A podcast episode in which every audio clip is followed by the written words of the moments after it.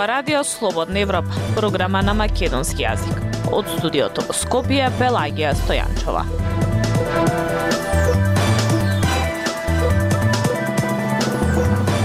Во денешната емисија на Радио Слободна Европа објавуваме автобусите на ЈСП се вратија на улиците под луката да им се исплати плата. Една година по локалните избори што ветија, а што исполнија градоначалниците.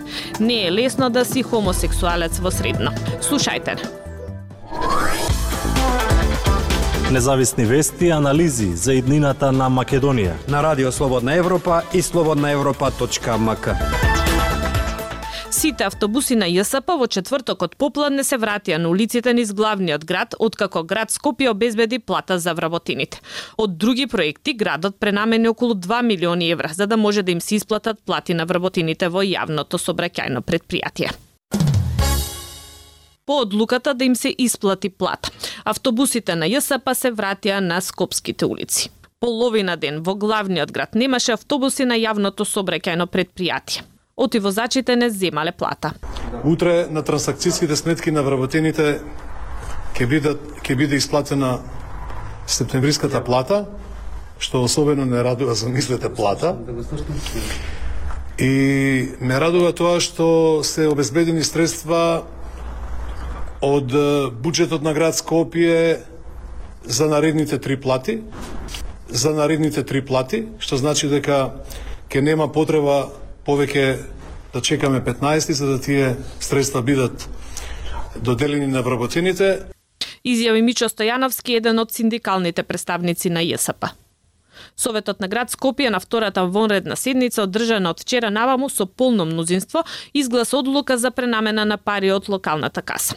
Градоначалничката Даниела Арсовска вели дека парите што сега се наменети за плати се замена за парите што на јавното предпријатие ги должат Министерството за образование и општините. А, она кое што верувам е дека ќе се побара соодветна одговорност, не само за она кое што се случувало во изминатите години во јавното сообраќајно предпријатие, тешката финансиска состојба во која што е доведено ова јавно предпријатие, мултимилионските долгови кои што ги има генерирано ова јавно предпријатие, тие се долгови кои што повеќе од деценија се проблекуваат тука. Меѓутоа исто така ние како град Скопје бараме одговорности од управните одбори кои што верувам дека треба малце поагилно да вршат својата работа и да не ги блокираат работите на овие јавни предпријатија затоа што сепак од граѓаните тие ги земаат своите паушали. Рече градоначалничката.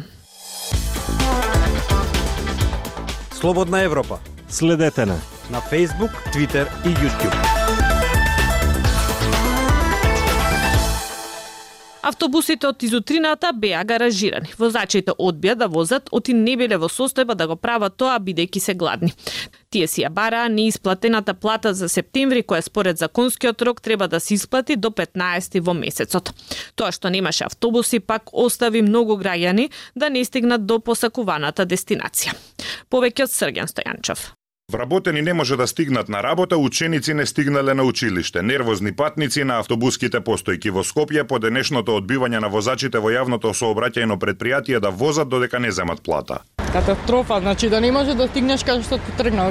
До болница кај треба да идам, не можам да стигнам. Значи не е во ред ова, треба да се среди. Треба да се среди ова тотално од корен, све. Бев у школа и се вратив. Го немаше никој. Немаат автобуси уѓеде. Па не возат. Треба да им се дават плати на време. На вообичаено полните автобуски постојки сега има помалку граѓани кои чекаат некој од приватните автобуси. Убавото време им послужи на оние кои се одлучија за велосипед. Возачите рано изутрината пред почетокот на работното време се собраа на протест во базите на ЈСП во автокоманда и во Ѓорче Петров. Тие одбија да подигнат патни налози и да влезат во автобусите поради неисплатена плата. Се жалеа дека директорот Александар Стојковски им вршел притисок за да возат. Возачите не прогласиле штрајк, но велат дека се гладни и не се во состојба да возат и да ја преземат одговорноста за стотина патници. Велат дека нема да возат додека не добијат плата. Според закон, платата треба да им биде исплатена од 1 до 15 во месецот, а веќе е 20 октомври и не ја добиле септемвриската плата. Синдикалните представници велат дека тие не прогласиле штрајк, туку возачите едноставно не се во состојба да работат. Денеска ние дојдовме на нашите работни места, спонтано се организиравме вака бидејќи не може да преземеме врската да вршиме јавен превоз на работници бидејќи како што кажавме ние синдикалците сите работници во јавното сообраќајно предпријатие се гладни. Изјави председателот на Сојузот на синдикати на Македонија Дарко Димовски. ЈСП Скопје, која е под капата на градот, нема пари за плати и бара од владата и од скопските општини да им го вратат долгот за да може да исплатат плата.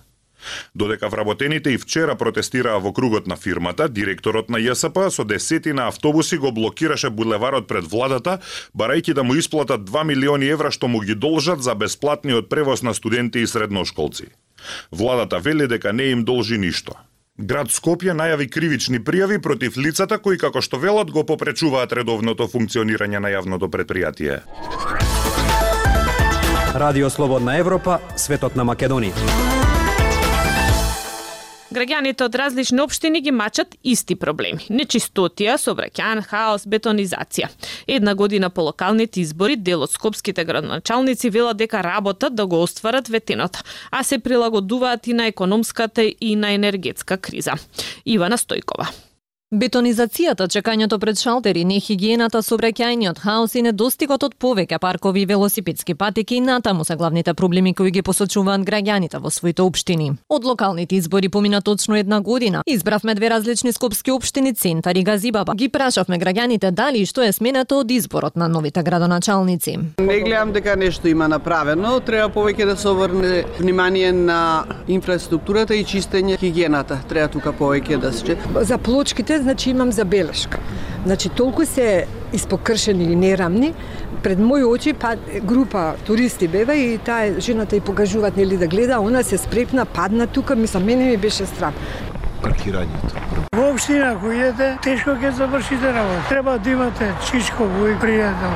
Ако сакате да завршите работа така, не, ќе одите едно неколку пати. Канти за отпадоци немам приметено многу и Подобрувањето на хигиената во општината, повеќе градинки, паркови, игралишта, помалку згради и бетон беше предизборното ветување на градоначалникот на центар Горан Герасимовски. Изградба на четири детски градинки, изградба на фекална мрежа со мали пречистителни станици со отпадни води, како и изградба на приватна каража во автокоманда и Ченто. Меѓу другото беше и дел од предизборната програма со која настапи градоначалникот на Газибаба Бобан Стевковски. Ги прашавме и началникот на Центари на Газибаба кој е најважниот проект кој што го реализирале во изминатава година од како стапија на функцијата градоначалник. Ја почнавме градинката во, во нацелвата Пролет, една голема, модерна, урбана градинка која што планираме за година и пол да ја, да ја завршиме истата. Детектирани ни се неколку населби кои што имаат проблем со паркирањето, Девармало и Някојаци Капештец, отспоредуваме со процедура, односно во завршна фаза јавната набавка за нов паркинг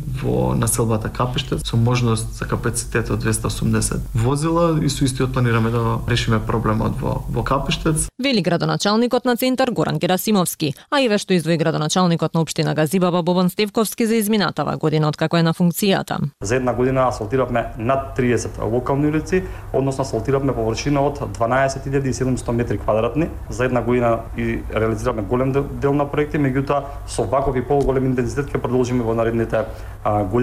Локалните избори се одржаа лани на 17 октомври, а ВМРО ДПМН славеше победа во поголемиот дел од општините. Дайте ни 15 минути и ние ќе ви го дадеме светот. Слободна Европа.мк Средношколците хомосексуалци почесто се мета на малтретирање од нивните хетеросексуални врсници.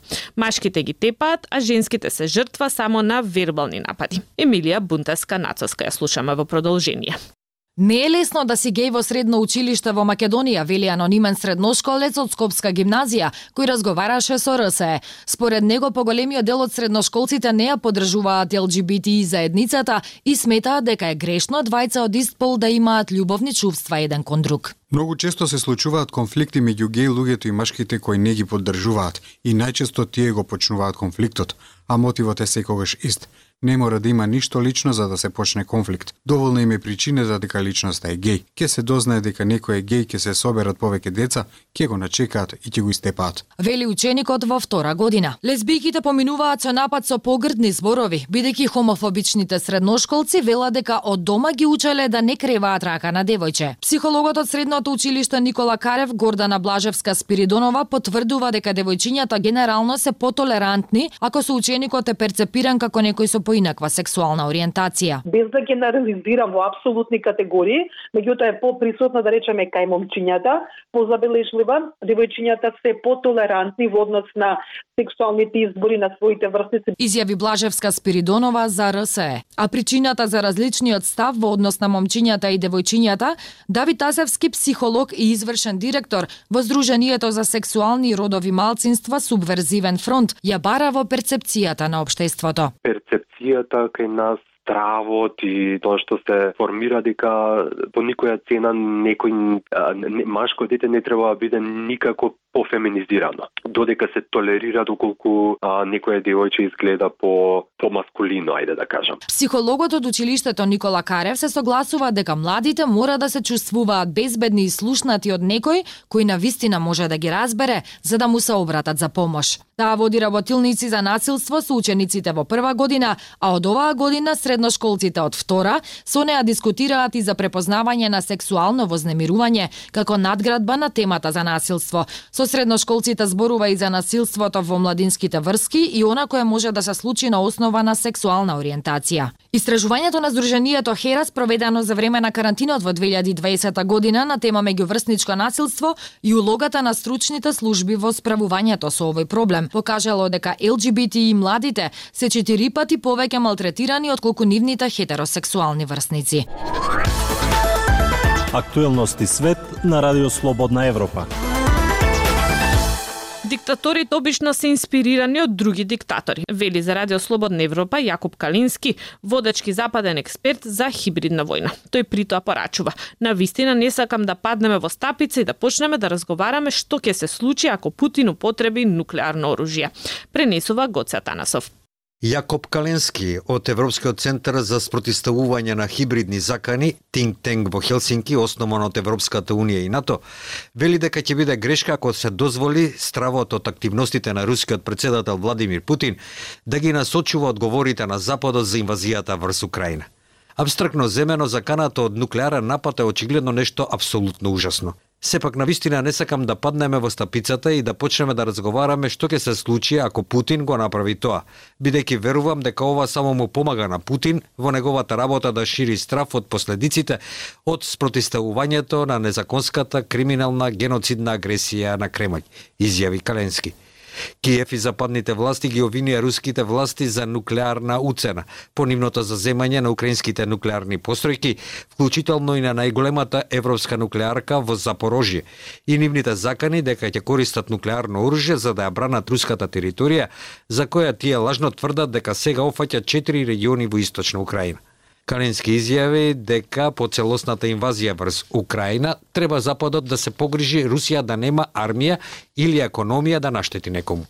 Тоа е она што треба да го правиме и тогаш на вистина не треба да се грижиме што би можел да направи господин Путин. Како специјалист за дезинформација и пропаганда, она што го гледаме 15 години празни закани кои постојано се користат од Москва само за да не парализираат, рече Каленски. Значи се што веламе дека не треба да паднеме во оваа замка, бидејќи тоа само му помага на Путин да ја постигне својата цел, а да им наштети на украинците кои всушност се борат за нашите европски или евроатлантски вредности. Каленски ја наведува долготрајната информативна војна на Путин за успешното покривање меѓу европските медиуми за настаните од анексијата на Крим и соборувањето на летот на Малезија Airlines над источна Украина во 2014 година до пандемијата и минатомесечните псевдореферендуми во окупираната Украина. Се плашам дека руската војна на дезинформација е многу компетентна, многу вешта и може да постигне огромни резултати. И се плашам дека понекогаш успеа да влијат врз тоа како ја обликувавме дебатата дека колку повеќе поддржуваш Украина, толку ќе бидат поголеми проблемите, дека Русија ќе се налути и ќе направи нешто страшно. Вели тој посочувајќи дека таквите одговори треба да се дискредитираат.